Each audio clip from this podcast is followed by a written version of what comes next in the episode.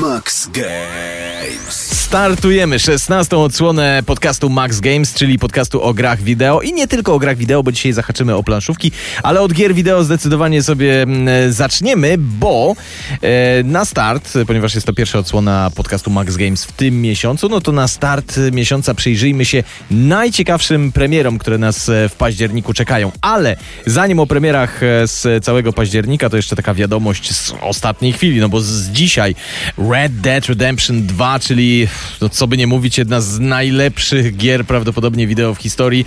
E, ekskluzyw do tej pory na konsolę, na PlayStation 4 i na Xboxa One zadebiutuje na PC i to już za miesiąc. 5 listopada gra wychodzi na e, Rockstar Launcher, na Epic Store, e, a jeszcze miesiąc później zawędruje na Steama. Także no, gra, której co by nie mówić, PC-towi gracze mogli konsolowym e, zazdrościć. Nareszcie przestanie wywoływać tę zazdrość u tych, którzy konsoli nie posiadają. Mówiło się o tym od dłuższego czasu, ale oficjalnie e, takie zapewnienie, że gra jednak na PC wyjdzie, padło dopiero dzisiaj. No dobra, ale teraz wróćmy do tych październikowych premier.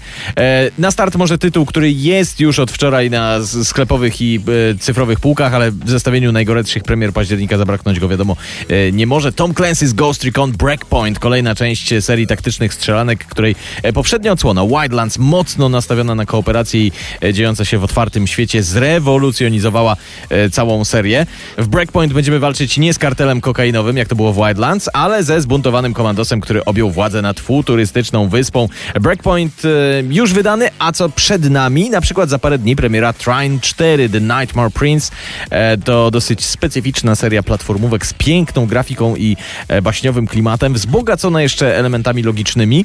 Nie wystarczy skakać, w wielu miejscach trzeba też pogłówkować E, to już we wtorek wychodzi, a z kolei w czwartek Players Unknown Battlegrounds Light, czyli kultowy już bijący rekordy popularności shooter, e, prekursor całego gatunku Battle Royale w zubożonej, okrojonej wersji ze słabszą grafiką przystosowaną do e, słabszych komputerów, ale za to PUBG Lite będzie darmowy, choć na pewno z mikropłatnościami.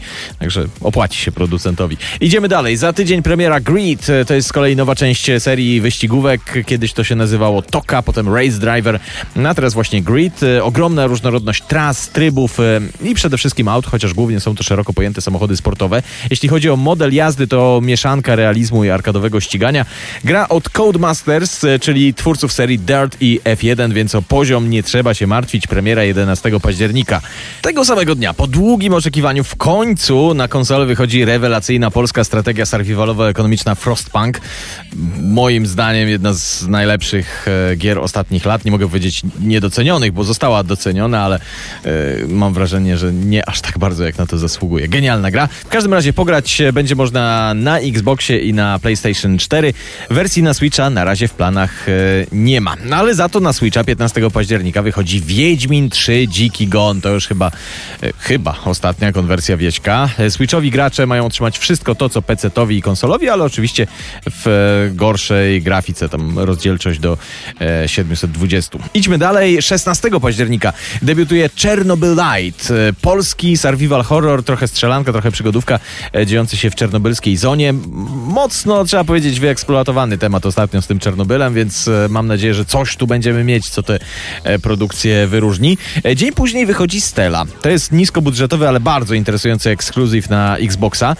Platformówka, ale bardzo ambitna, z ciekawą fabułą. Wcielimy się w kobietę obserwującą upadek cywilizacji i szukającą ratunku przed tajemniczym najeźdźcą. Nie będziemy tu walczyć, będziemy uciekać i próbować przeżyć. E, tego samego jeszcze inna, e, tego samego dnia jeszcze inna gra wychodzi z niskim budżetem, ale też uważam, że warto zwrócić na nią uwagę. Stranded Sails, Explorers of the Cursed Islands. E, survival z przymrużeniem oka, w którym wcielamy się w Robinsona Crusoe, a właściwie Robinsonów, bo całą załogą trafiamy na bezludną wyspę, którą musimy zasiedlić, ujarzmić. Crafting, farming, trochę walki, trochę strategii, a to wszystko w sympatycznej kresce kreskówkowej e, grafice. Stranded Sales, warto gdzieś tam sobie z tyłu głowy e, zapisać. 22 października, coś dla maniaków amerykańskiego wrestlingu WWE 2020. Tu wiele dodawać nie trzeba, po prostu mordo bicie w efektownym amerykańskim wydaniu. Natomiast trzy dni później kolejny z wielkich hitów października Call of Duty Modern Warfare. 16 już odsłona jednej z najbardziej znanych serii gier. No, na pewno jednej z najlepszych serii strzelanek, chociaż z poziomem Call of Duty to różnie bywało. No ale nowe Call of Duty ma ambicje zrewolucjonizować e, cały gatunek, chociaż wiadomo, że do takich zapowiedzi to trzeba też podchodzić e, z dystansem. Ale pojawia się kilka ciekawych nowości, zobaczymy jak to wyjdzie w praniu. Tym razem bez wycieczek w przeszłość ani w przyszłość. W Modern Warfare wcielamy się we współczesnych żołnierzy z elitarnych jednostek swoją drogą. W sesjach motion capture ponoć brali udział prawdziwi operatorzy Navy SEALs, legendarnego oddziału amerykańskich komandosów.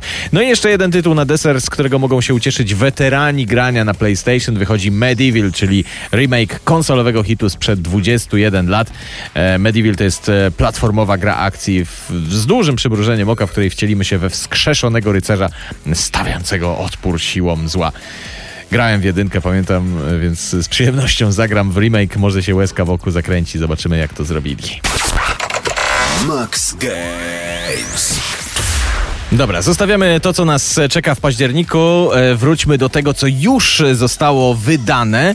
E, zapraszam Was na krótką recenzję gry, która pewnie nie wszystkim przypadnie do gustu, bo to jest dość specyficzny gatunek, ale na pewno warto zwrócić uwagę.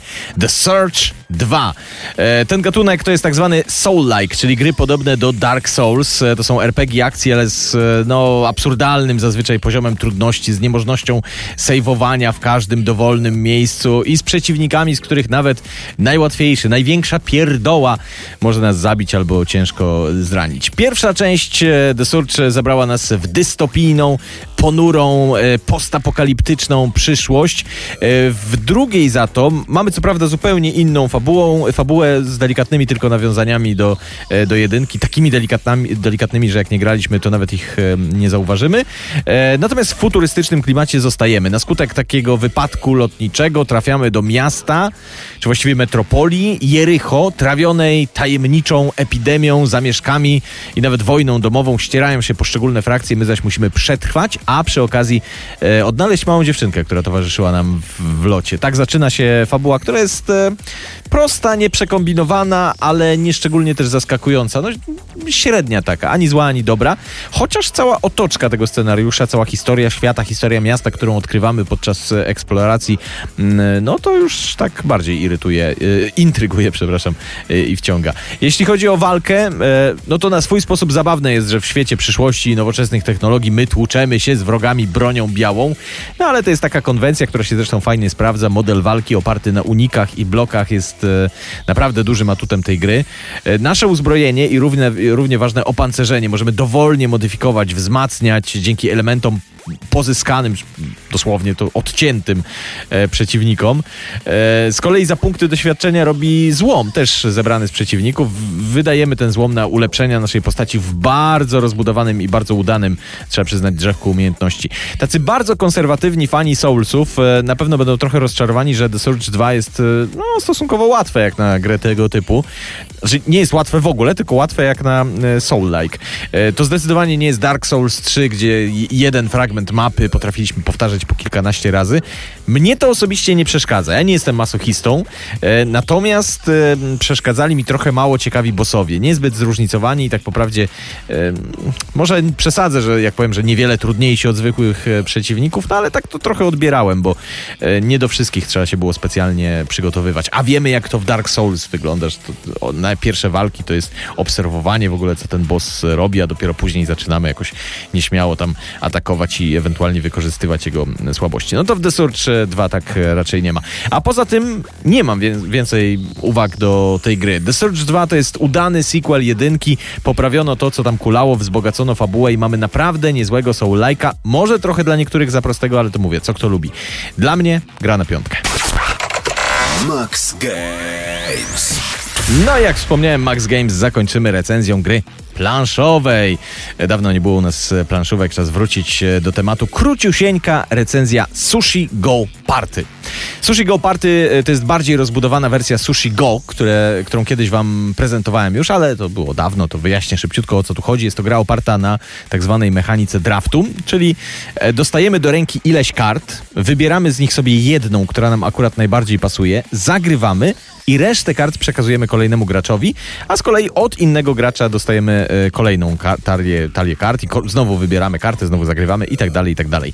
E, W ten sposób tworzymy sobie możliwie najmocniejsze, najlepiej punktujące zestawy kart. E, Możliwości punktowania jest bardzo wiele, więc trzeba przeliczać, przewidywać ruchy przeciwnika, oceniać, co nam się w danym momencie najbardziej opłaca i też jaką kartę zabrać, użyć, żeby nie dostali jej nasi rywale. Ta mechanika podobna jest do jednej z najsłynniejszych planszówek na świecie. Siedem cudów świata, w którą z pewnością wielu z was e, grało, może nawet zaczynało swoją przygodę z planszówkami. E, Z tym, że tam jest to tak obudowane fajnie, fabularnie, że wznosimy potężne miasto, stawiamy budynki, tworzymy cywilizację całą. No a w Sushi Go Party mamy po prostu zrobić jak najsmaczniejsze sushi. E, Zresztą, no i ten temat sushi i grafiki wyraźnie z przymrożeniem oka, no to wszystko podkreśla, że to jest gra z, z prostymi zasadami, przynajmniej w porównaniu do Siedmiu Cudów Świata i że nastawiona jest raczej na właśnie takie luźne, imprezowe granie. Co do tych zasad, wytłumaczenie ich zazwyczaj zajmuje to, nie wiem, kilkanaście minut łącznie z jakąś próbną rozgrywką. Naprawdę są banalne, mamy kilka rodzajów kart, czyli kilka rodzajów składników naszego sushi. Na przykład na koniec gry dostajemy tam punkty za to, że udało nam się zebrać więcej futomaki niż inni. Albo punktujemy za zebranie różnych ryżowych onigiri e, w różnych kształtach. Albo punktujemy e, za każdą parę zebranej tempury i tak dalej, i tak dalej. Różne kombinacje, różne okazje do punktowania. Są jeszcze karty specjalne i kilka tam dodatkowych zasad, ale generalnie to jest tak, że pierwsze dwie, trzy rozgrywki z instrukcją pod ręką, a potem to już lecimy bez pomocy. Fajna, prosta, ale nie prostacka. Bardzo wkręcająca gra, bez ograniczeń wiekowych, idealna na imprezy ze znajomymi. Sushi Go Party. Szczerze polecam. Max Games.